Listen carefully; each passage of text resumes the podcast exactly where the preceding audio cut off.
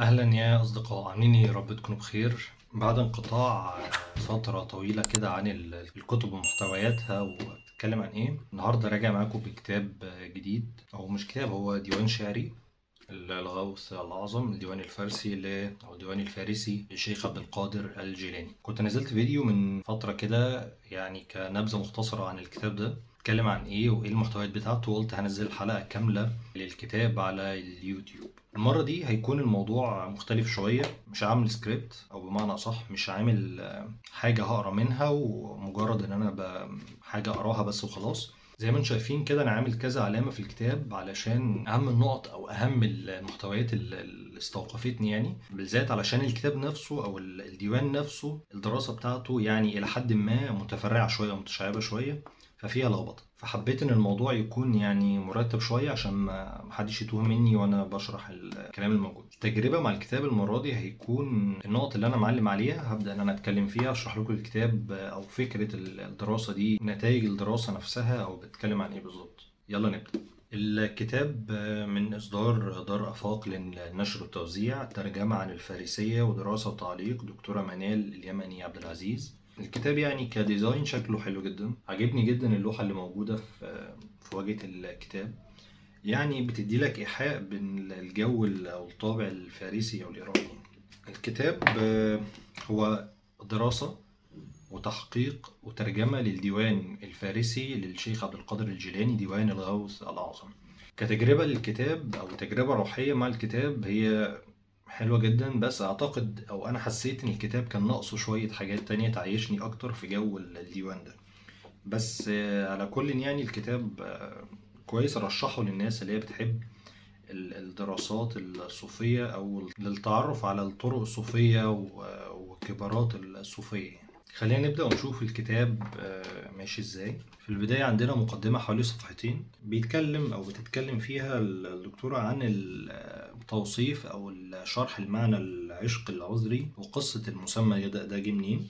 وبتتكلم على الغزل باعتباره آه، نوع من أقدم الفنون الشعرية وأكثرها شيوعا وانتشارا يعني وبتربط الكلام ده باعتبار الشعراء الصوفية هم يعني من أشهر شعراء الغزل وأكثرهم يعني اهتمام بال- بالفن ده بالذات. بعد كده بتتكلم وتقول لك يعتبر أو يعد الشيخ عبد القادر الجيلاني من أكثر الشخصيات الصوفية اللي حظت باهتمام الباحثين. يعني ما بنلاقيش آه، مؤلف أو عالم أو أو حتى كاتب يعني كتب حاجة عن عن عصر العصر اللي عاش فيه الشيخ عبد القادر الجيلاني. إلا واورد ذكر ليه في في الكتاب بتاعه أو المؤلف بتاعه. مع كل الاهتمام ده وكل الاهتمام بقدر الشيخ عبد القادر الجيلاني ولكن مش هنلاقي آه، ترجمة عربية لديوان غوث الأعظم ده يعني إلا بصورة نادرة جدا. حتى هنا دكتورة منال بتقول إن آه، الديوان الشعري الفارسي لم يحظى بالترجمة أو الدراسة سوى شرح له باللغة الأردية. ده واحد آه، اسمه محمد علي الجراغ أو يعني يا ريت أكون نطقت ال- الاسم صح إن ده اسم إيراني وتم نشره ولكنه غير متوفر حاليا يعني. نيجي بقى للنقطة ال- الأصعب في الموضوع أو اللي واجهتني أنا في الأول أو اتصدمت يعني بيها آه، كانت تقسيمة ال- الديوان أو تقسيمة الكتاب نفسه. الموضوع مكعبل شوية أو يعني في آه، تفرعات كتير فأرجو محدش يتلخبط وإحنا بنشرح الموضوع. هحاول على قد ما أقدر إن أنا أبسط النقط دي. هي هنا بتقول إن الدراسة تتكون من جزئين. الجزء الأول بيشتمل على المقدمة والتمهيد وقسمين وخاتمة. كل حاجة من دول متقسمة. أنا عندي هنا التمهيد ده بيعرف بالشيخ عبد القادر الجيلاني واتولد فين وسنة كام وحياته كانت عاملة إزاي. القسم الأول بقى نفسه هيتناول الديوان من حيث الشكل. القسم الثاني هيتناول الديوان من حيث المضمون. القسم الأول فيه ثلاث مباحث. القسم الثاني فيه ثلاث مباحث. يشتمل على ثلاثة مباحث. القسم الأول المبحث الأول بيعرف بالديوان وسمات أسلوبه الإيقاعية والتصويرية والصرفية. المبحث الثاني في القسم الأول بيتضمن السمات المتعلقة بالألفاظ التراكيب والمرادفات. المبحث الثالث هيتعلق بالتناص والرمز في الديوان. الكلام ده كله في القسم الأول. هندخل في القسم الثاني. القسم الثاني بيتناول الديوان من حيث المضمون بيتكون من ثلاثة مباحث. المبحث الأول بيعرف بالمقامات والأحوال والآداب والرسوم الصوفية. المبحث الثاني يعني مختص بالأفكار والمفاهيم الصوفية. المبحث الثالث بيشرح مذهب الشيخ عبد القادر الجيلاني زي ما جه في ديوانه بالظبط من خلال أشعاره. الجزء الثاني ده بيتضمن بقى ترجمة الديوان من اللغة الفارسية للغة العربية وده جزء كبير جدا في الكتاب بصراحة. بتوضح المراجع اللي استندت ليها في ترجمتها للديوان واستنتاجاتها للدراسة دي.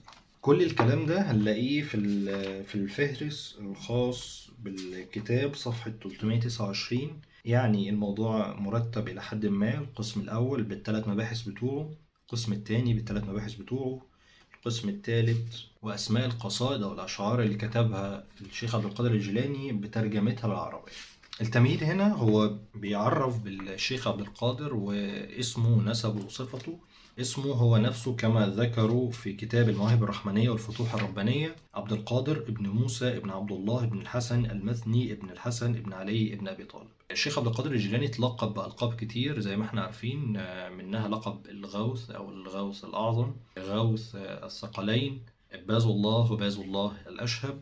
باز الأشهب خصوصا تم ذكرها في بعض أبيات الشيخ عبد القادر في بيت زي بيقول أنا بلبل الأفراح أملأ دوحها طربا وفي العلياء باز أشهب. ده الترجمة العربية طبعا للبيت اللي باللغة الفارسية اللي كتبه الشيخ عبد القادر. اشتهر الشيخ عبد القادر الجيلاني بكلمة جيلان أو بنسبه لجيلان ودي قرية أو مجموعة قرى ما وراء آه، طبرستان. وتم نسب الاسم ليه. الشيخ نفسه اعترف بانتسابه لجيلان وقال في إحدى الحكايات يعني زي ما مكتوب هنا أو الحكايات المروية عنه أنا متفقه من جيلان. يعني ويقال إن هو ولد في مكان اسمه نيف ودي مكان آه، أو قرية صغيرة بالقرب من جيلان يعني. وده كان في سنة 470 على الأرجح آه، 470 هجريا توفى في بغداد سنة 560 أو 561 هجريا على الأرجح يعني وكان عمره حوالي 90 سنة. الغريب إن الشيخ عبد القادر نفسه جمع آه، سنين ولادته ووفاته والفترة اللي عاشها في بيت بيقول فيه إن باز الله سلطان الرجال جاء في عشق ومات في كمال. ده في حاجة اسمها حساب الجمل. حساب الجمل ده يعني بيدي كل حرف قيمة رقمية أو قيمة عددية. بجمع الكلمات دي بحروفها بيديني في الآخر ناتج آه، حسابي عادي جدا. كلمة عشق اللي تم ذكرها في آه، جاء في عشق ومات في كمال. جاء في عشق عشق دي في حساب الجمل هي 470 وللعلم هو ده تاريخ مولد الإمام أو الشيخ عبد القادر الجيلاني اتولد سنة 470 وكلمة كمال القيمة العددية بتاعتها 91 مات في كمال كلمة كمال 91 وده عدد سنين عمره. عايش حوالي 90 أو 91 سنة. الكلمتين مع بعض لو تم جمعهم هنلاقيهم 561 وده التاريخ اللي توفى فيه 560 561 هجري. انتسب الشيخ عبد القادر الجيلاني لعيلة يعني معروفة بالورع والتقوى وحسن الخلق. أبوه كان راجل صالح ولكن اتوفى بعد ولادته بفترة قصيرة جدا وعاش في كنف جده لأمه كان اسمه السيد عبد الله الصومعي الزاهد العابد. تعلم العربية على إيد واحد اسمه أبي زكريا التبريزي. أو التبريزي ده اتوفى آه، سنة 502 هجريا وتفقه الشيخ على مذهب الإمام أحمد بن حنبل. ولكن يعني كان بيفتي على المذهبين الحنفي والشافعي. بعد كده بيذكر يعني إزاي سلك الطريق الصوفي على إيد آه، حمادة الدباس المتوفي سنة 525 هجريا. وإن الشيخ عبد القادر الجيلاني أصبح من كبار يعني مشايخ الصوفية وقامتها وإزاي أسلم معظم اليهود والنصارى على إيده اللي كانوا عايشين في بغداد. لعلم الشيخ عبد القادر الجيلاني عاش في بغداد حوالي 70 سنة. بقى يعني حاجة زي ما بيقولوا قطب الوجود واتروت عنه الكثير جدا من الكرامات. غير كده انتشر مذهب الشيخ عبد القادر الجيلاني في الهند وبلاد ما وراء النهر. ومعظم البلاد يعني الإسلامية وكمان ينسب ليه الطريقة القادرية ودي موجودة عندنا في مصر. الشيخ عبد القادر الجيلاني ألف كتير جدا من المؤلفات اللي بنذكر منها يعني في الفقه والتصوف. حاجة زي بشاير الخيرات على صاحب الآيات البينات ويليه ورد الجلالة للجيلاني. ده طبع في الإسكندرية سنة 1304 هجريا. آه، كتاب تاني الغنية لطالبي طريق الحق أو غنية الطالبين لطريق الحق. ده كان في الأخلاق والتصوف والآداب الإسلامية وطبع في مكة والقاهرة. حاجة تانية الفتح الرباني والفيض الرحماني ودي مجالس في الوعظ دي تم طباعتها في القاهرة. فتوح الغيب وده تم طباعته في إسطنبول. الفيودات الربانية في الأوراد القادرية طبع في مصر. آه، جلاء الخاطر من كلام الشيخ عبد القادر. آه، الرسالة الغوثية ودي موجود منها نسخة في مكتبة الأوقاف ببغداد. وطبعا عندنا آه، سر الأسرار في التصوف ده في نسخة منه في جامعة إسطنبول قاعة رضا باشا. ده بحث رقم آه، 3616 واتطبعت في باكستان باللغة العربية واللغة الأردية وعندنا بقى ديوان أشعار اللي إحنا بنتكلم عليه النهاردة هو ديوان غوث أعظم وده بيشتمل على بعض الأشعار العرفانية الصوفية. ده اتكتب زي ما إحنا قلنا اتكتب باللغة الفارسية. موجود منه نسخة خطية في مكتبة جامعة إسطنبول تحت رقم 1865 يعني ال- ال- اللي استنتجته كمان دكتورة منال في نهاية الدراسة دي إن الديوان ده تم كتابته في فترة شيخوخة الشيخ عبد القادر الجيلاني وده اللي يعني اللي بنلاقيه أصلا في ضمن في ضمن ال- الكلام اللي مكتوب فيه أو ضمن الأبيات اللي موجودة في ال- الديوان ده. يمكن الشيخ نفسه شعر بقرب رحيله وقرب موته وشغلته فكرة الموت جدا وبدأ إن هو كمان ينظم شعر في الموضوع ده وذكر ده نفسه في ال- الأبيات. ندخل على القسم الأول من الكتاب أو من الديوان ديوان الغوث الأعظم دراسة في الشكل. تبدأ تقسم القسم الأول ده للثلاث مباحث اللي إحنا قلنا عليها. المبحث الأول هو الديوان نفسه. هنا هتتكلم يعني الديوان ده شكله عامل إزاي مكون من إيه ترتيبه آه، إزاي في الشكل والمضمون هيتكلم عليه في القسم التاني. هنا بيقول لك الديوان اتألف ديوان الشيخ عبد القادر من مجموعة من الغزليات عددها 74 غزلية كلها معنونة ليها عنوان ليها اسم إلا غزلية واحدة كانت من غير عنوان. يقال يعني إن النساخين أو النساخون يعني آه، عربيا أو لفظيا هم اللي وضعوا العناوين دي. ورأي تاني بيقول إن الشيخ عبد القادر هو نفسه اللي كان حاطط العناوين دي. الغزليات دي كلها بتشتمل على 640 بيت شعري بيتراوح يعني أبيات الغزلية الواحدة ما بين 4 و17 بيت. بعد كده هتتكلم على نقطة اسمها التخلص الشعري. التخلص الشعري دي هي عادة يعني كانت عند الشعراء من أول مطلع القرن السادس الهجري.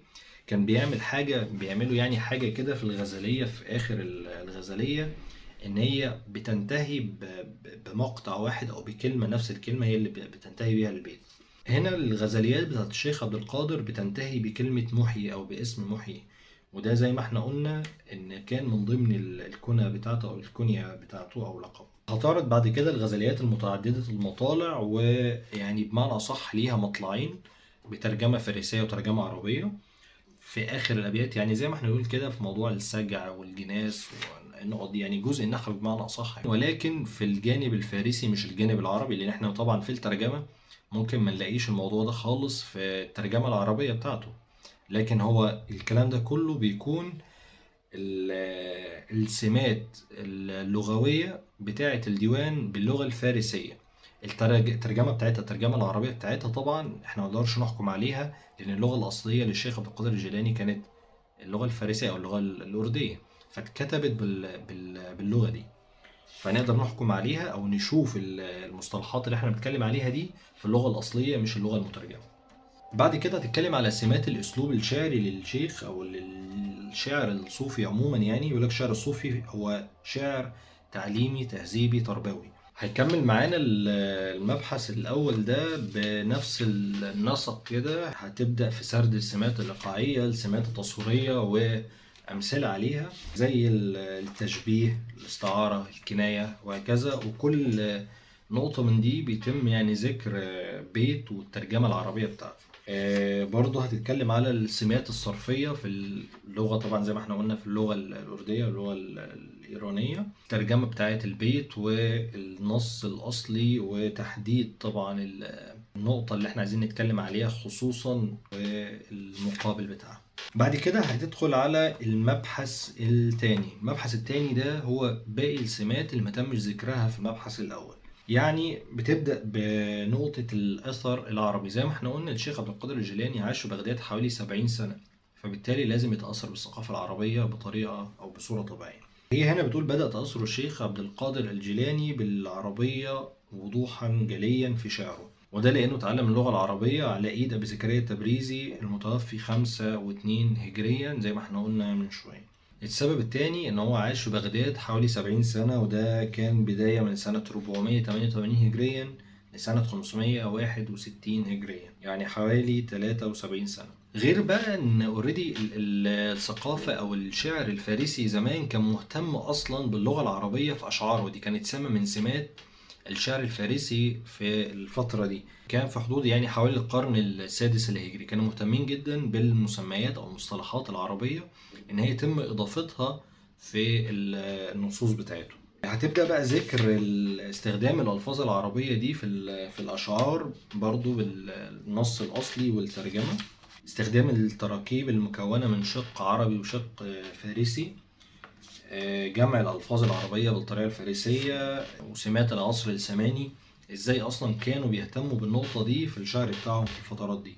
صياغة الألفاظ العربية بالطريقة الفارسية خصوصا يعني الياء المصدرية الفارسية وإزاي كانت بيتم إضافتها لكلمة عربية علشان تبقى موجودة في النص الأصلي. بعد كده هتذكر تكرار الألفاظ وتكرار المضامين واستخدام التراكيب. هنا في نقطة التراكيب أو التراكيب التراكيب الوصفية بالذات هنا أكثر الشيخ عبد القادر الجيلاني من استخدام التراكيب الوصفية في غزلياته. ووصف الشيء الواحد بأكثر من صفة وده بيدل على مهارته وإبداعه. يعني هتبدأ إنها تذكر برضو التراكيب دي كانت إزاي الموضوع كان أو استخدامه للتراكيب الوصفية دي إزاي. في أكتر من مثال على على النقطة دي والترجمة بتاعة الكلمة نفسها أو مقصد الكلمة باللغة الفارسية وترجمتها للعربية نيجي للمبحث الثالث وده كان مختص بنقطة التناص والرمز. هنا الشيخ عبد القادر الجيلاني أفاد من موروثه التراثي والثقافي والديني ويعني وظفه في خدمة التجربة الشعرية بصورة عظيمة جدا. وده كان يعني واضح جدا في نقطة التناص دي بالذات. هنا بيقول لك إن التناص هو علاقة حضور مشترك بين نصين أو عدد من النصوص بطريقة استحضار. وفي أغلب الأحيان الحضور الفعلي لنص في نص آخر. وقيل إن كل نص هو تناص والنصوص الأخرى تتراءى فيه بمستويات متفاوتة وبأشكال ليست عصية على الفهم بطريقة أو بأخرى. إذ نتعرف على نصوص الثقافة السالفة والحالية فكل نص ليس إلا نسيجا جديدا من استشهادات سابقة. التناص ده كان ليه مجموعة أشكال ليه كذا شكل تم ذكرهم. يعني بنذكر منها نقطة التناص الديني دي. بيقول لك التناص الديني مصدر مهم من تناص التعبير الشعري عند الشيخ عبد القادر الجيلاني وده لسببين السبب الأول إن هو اوريدي تعل كان يعني متعلم الفقه والحديث علم الفقه وعلم الحديث. فطبعا الجانب ده لازم يكون موجود عنده في الشعر بتاعه. تاني حاجة إن الاقتباس من القرآن وتضامين الأحاديث كانت سمة زي ما إحنا قلنا سمة من سمات الشعر في القرن السادس الهجري. دكتورة منال في, في الكتاب ده أو في الدراسة دي تقدر تقول إن هي كانت بتعمل دراسة مختصة بوجه خاص على الديوان ده وفي نفس الوقت بتعمل سرد أو بتعمل لك يعني زي highlight كده على السمات الشعرية في الفترة دي. مش بس للشيخ عبد القادر الجيلاني ولكن لكل الشعراء اللي موجودين في الفترة دي. هما كانوا بيعملوا إيه أصلا؟ ولكن بتعمل زي spotlight كده على الشيخ عبد القادر والكتابات بتاعته. ولكن هي بتدي لك المضامين اللي موجودة بره بصورة يعني مش مش مباشر. خلينا نقول إن الاقتباس من القرآن كان برضه منتشر الفترة دي وده لرواج العلوم الدينية في فترة القرون الأولى اللي سواء الخامس أو السادس الهجري. فكان ده موجود بصورة كبيرة في الأشعار سواء الشيخ عبد القادر أو أو غيره يعني. الاقتباسات دي كان موجود اقتباس طبعا من القرآن الكريم، اقتباس من الحديث، استلهام أو تناص من القص الديني زي استلهام لقصة الإسراء والمعراج في بيت زي اللي موجود هنا ده في صفحة 65 زي ما كان في تضمين للقرآن الكريم هيكون في برضه تضمين للحديث برضه يعني كان في تناص مع الحديث لأن هو كان من علماء الحديث في الفترة دي.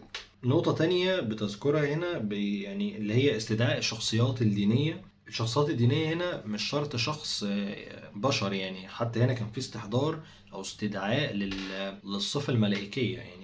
الملاك باسم هنا زي اسم نكير وهو الملك اللي بيحاسب الإنسان في قبره. عندنا نقطة, نقطة تانية استلهام القصص الديني زي قصة سيدنا يوسف وامرأة العزيز زليخة. برضو نقطة ذكر قصة سيدنا يونس والحوت. برضو تم ذكرها في بعض الأبيات الشعرية. نيجي نقطة تانية في التناص إحنا اتكلمنا عن التناص الديني هنلاقي حاجة تانية التناص الشعبي. يعني إيراد الأمثال الشعبية في الأبيات الغزلية أو الأبيات الشعرية اللي موجودة. زي ما كان في استلهام للقص الديني برضه في استلهام للقصص الشعبي. ودي كانت يعني حاجة رائجة جدا في الفترات دي. استدعاء الشخصيات التراثية برضه كانت حاجة زي دي موجودة زي شخصية مجنون بني عامر. سرد الحكاية بأسلوب شعري. استلهام القصص الشعبي ده كان من القصص الإيرانية القديمة والمشهورة قبل الإسلام يعني والمتداولة بين عامة الشعب الإيراني. حاجة زي خسرو وشيرين ممكن تعملوا سيرش عنها وتعرفوا القصة دي. برضو زي ما إحنا قلنا شخصية مجنون بني عامر كان في شخصية الحلاج. موضوع كبير جدا ممكن نبقى نتكلم عليه في حلقة تانية نعرف قصته إيه وكان إيه اللي حصل له بالظبط. ولكن هنا شخصية أو شخص الحلاج بالنسبة للشيخ عبد القادر الجيلاني كانت حاجة مهمة جدا. تم إيراد ذكر الحلاج وقصته بصورة مباشرة أو غير مباشرة سواء اتفق معاه اللي بيقرأ أو لأ ولكن كان في مضمون من ذكر الحلاج بالنسبة للشيخ للي بيقرأ. وفي نفس الوقت يعني كان بيحاول إن هو يوصل فكره أو يوصل الاتفاق الضمني مع الحلاج من خلال الأبيات بتاعته. هو هنا بيقول اتخذ الشيخ عبد القادر من الحلاج رمز للعشق الذي فتن بمحبوبه وأخلص في عشقه واستغرق فيه فبلغ به العشق مرحلة الفناء فنفى وجوده وفنى عن نفسه وأثبت وجود الحق وبقى به. وقال قولا في حال سكره عوقب عليه في حال صحوه وشنق وقطعت أوصاله ثم حرق ونثر ترابه في مهب الريح جزاء استغراقه في عشقه وبوحه بأسراره. هنلاقي بقى ذكر الكلام ده في الأبيات يعني مثلا بيت زي ده هنلاقي فيه إيراد ذكر القصة دي. يعني زي ما إحنا قلنا يبدو إن الشيخ عبد القادر الجيلاني كان من الصوفيه المؤيدين للحلاج والمتفاهمين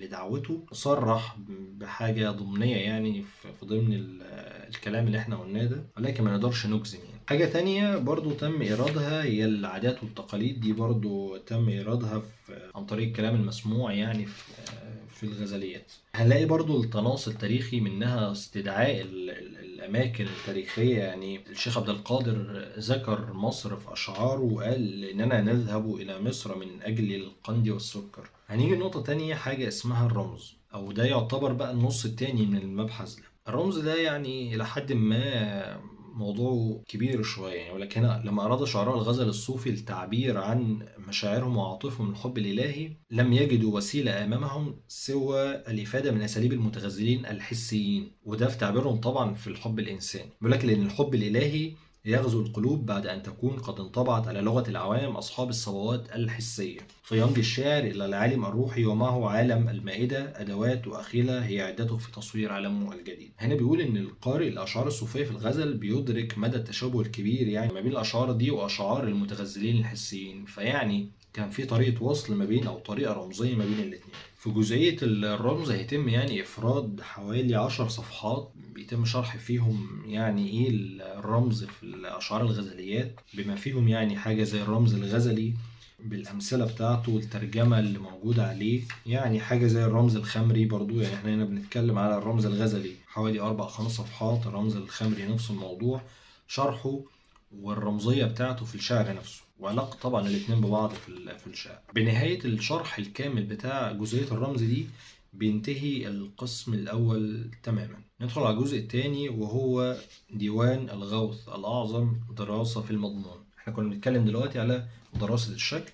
إحنا هنا القسم الثاني بيتكلم أو بتتكلم في دراسة مضمون الديوان.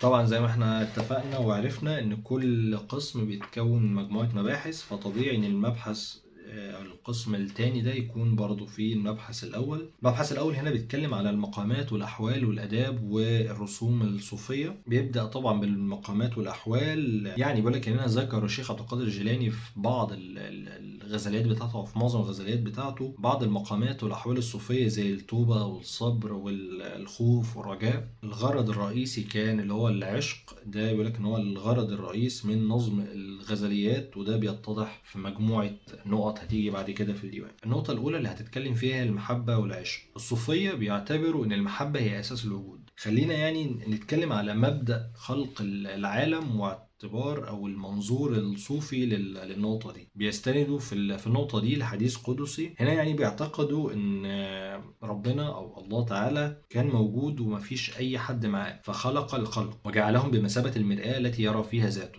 فكانت المحبة هي الباعث على إيجاد الخلق. الشيخ عبد القادر بيأيد الفكرة دي. بيأيد فكرة إن ربنا خلق الخلق علشان يشوف نفسه فيهم. وبيزيد على ده إن العبد فطر على محبة الرب. وأن عشق للذات الإلهية مقدر منذ الأزل. محبة الحق للعبد هي يعني محبة أزلية. سبقت محبة العبد له. وأوجبتها فأحبه العبد بمحبته له. هنا الجزء ده يعني هيقعد يفسر منزلة المحبة بالنسبة للعشق واعتبارها هي المنزلة الأولى أو الدرجة الأولى للعشق. وإفراط المحبة إزاي بيوصلك للمرحلة النهائية دي؟ هو هنا يعني حتى بيعرف لك العشق بأنه معناه اتحاد ذات المحبوب بذات المحب اتحادا يوجب غفلة المحب. شغلا بشهودة محبوبي في ذاتي بذاته.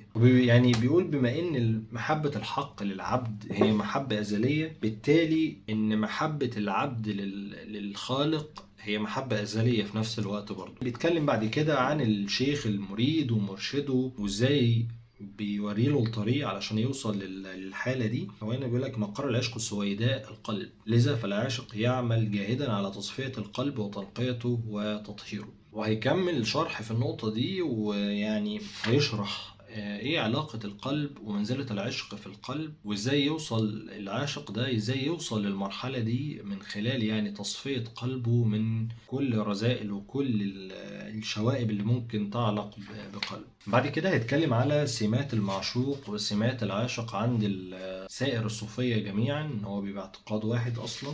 بيبدأ يعني في ساب شرح التوصيف الكامل للعاشق وتوصيف كامل للمعشوق هتفرد شرح المجموعة مشاعر إنسانية تم وصفها باللغة العربية وباللغة الأردية الفارسية في الأبيات الغزلية وشرحها أو يعني مدلول الكلمة دي آه، لما بتيجي في بيت شعري ده إيه المقصد منه؟ هتيجي نقطة تانية وهي نقطة التوبة وعلاقتها بالوصول لنقطة العشق الموجود في سويداء القلب اللي إحنا اتكلمنا عليها. وبيشرح لك كمان شروط التوبة إيه وتقسيم الشخص التائب ده تقسيمهم على مجموعة من الدرجات يعني. برضو في بعض المصطلحات اللي ليها علاقة بالمقامات الصوفية الرفيعة جدا يعني زي الصبر الخوف الرجاء زي ما إحنا ذكرناهم في الأول. إزاي دي حاجة من حاجات أو المقامات الكبيرة جدا في الصوفية هيتكلم برضو عن الآداب والرسوم الصوفية في آخر الجزء ده وشرح للآداب دي يعني إيه أصلا آداب صوفية. وشرح يعني إيه خلوة أصلا؟ وشرح يعني إيه ذكر؟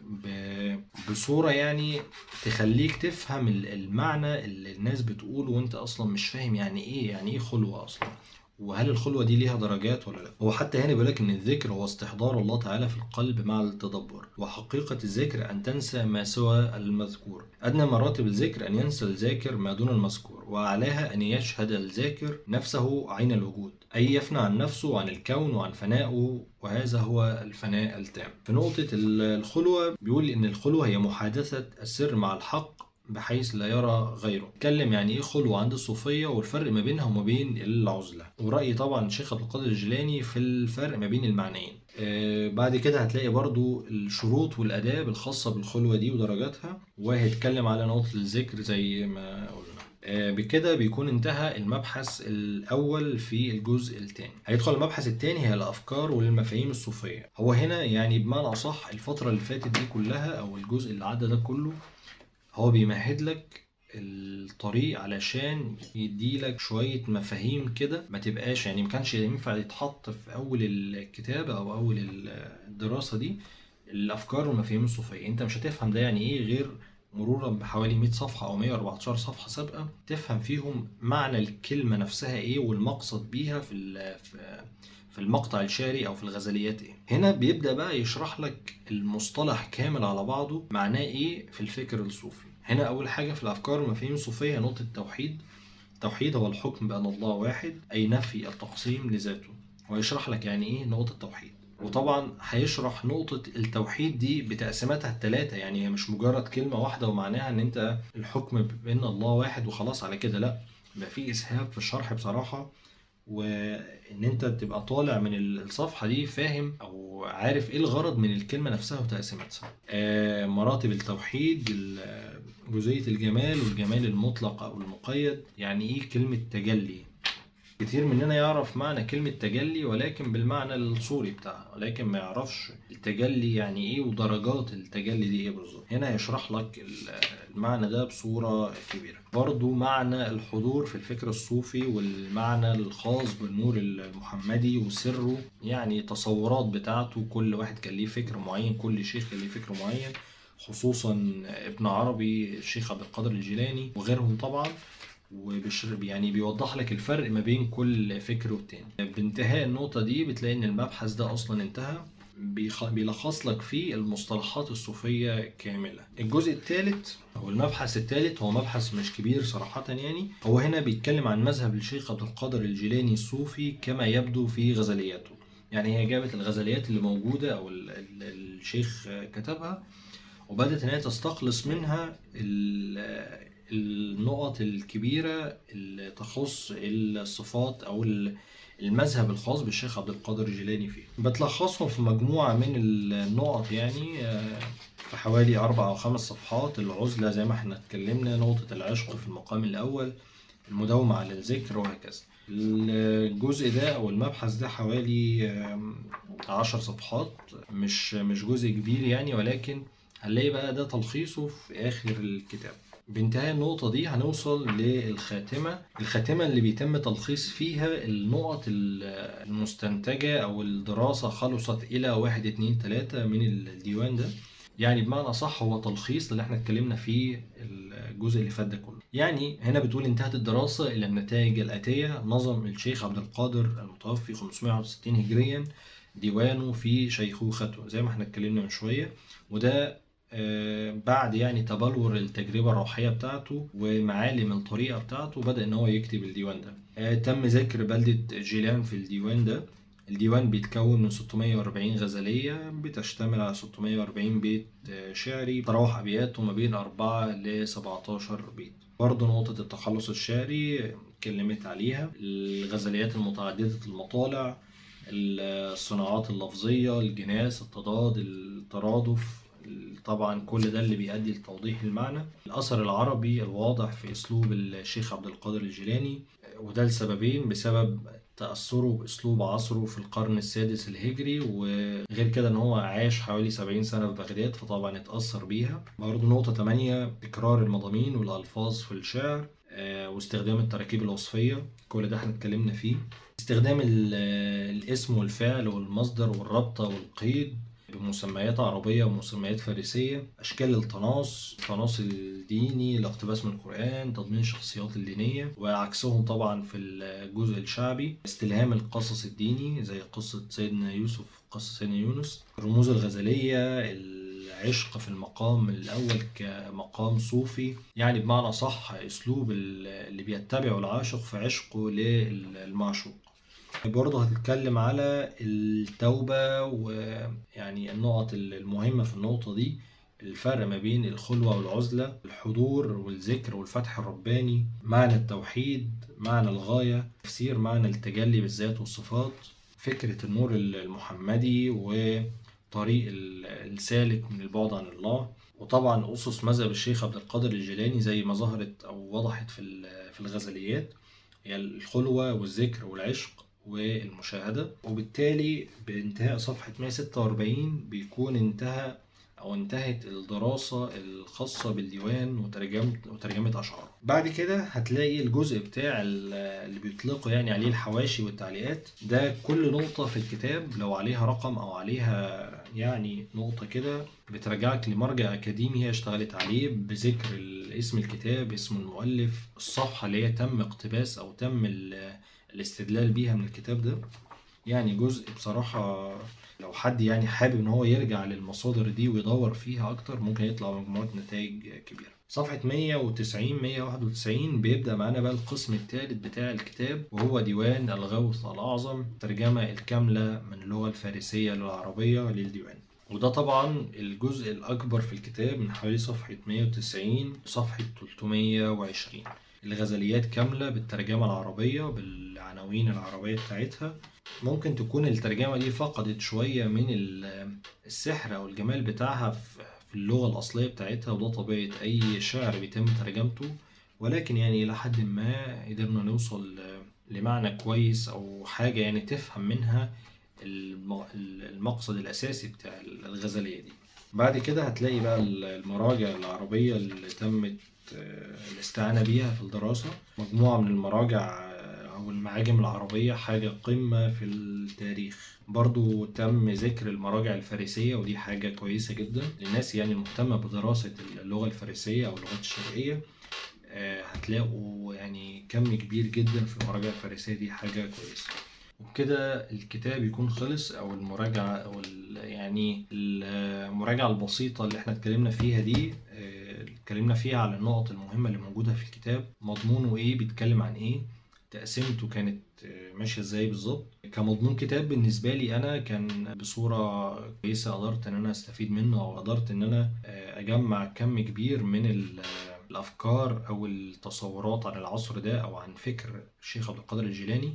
وخصوصا الجانب الشعري في الفترة الزمنية دي يعني زي ما إحنا قلنا في حوالي القرن السادس الهجري. فالكتاب يعني بصراحة أرشحه جدا للناس اللي بتحب تقرأ في الفكر الصوفي. يعني بص ما ترميش أمل كبير قوي إن أنت تفهم الغزليات كاملة أو بمعنى أصح إن أنت تلاقي الترجمة واضحة بصورة كبيرة من الفارسية العربية بس على الأقل زي ما إحنا قلنا في الأول خالص مفيش ترجمة اوريدي عربي ليه موجودة في في المكتبة العربية عموما. مفيش خالص حاجة عربية لل...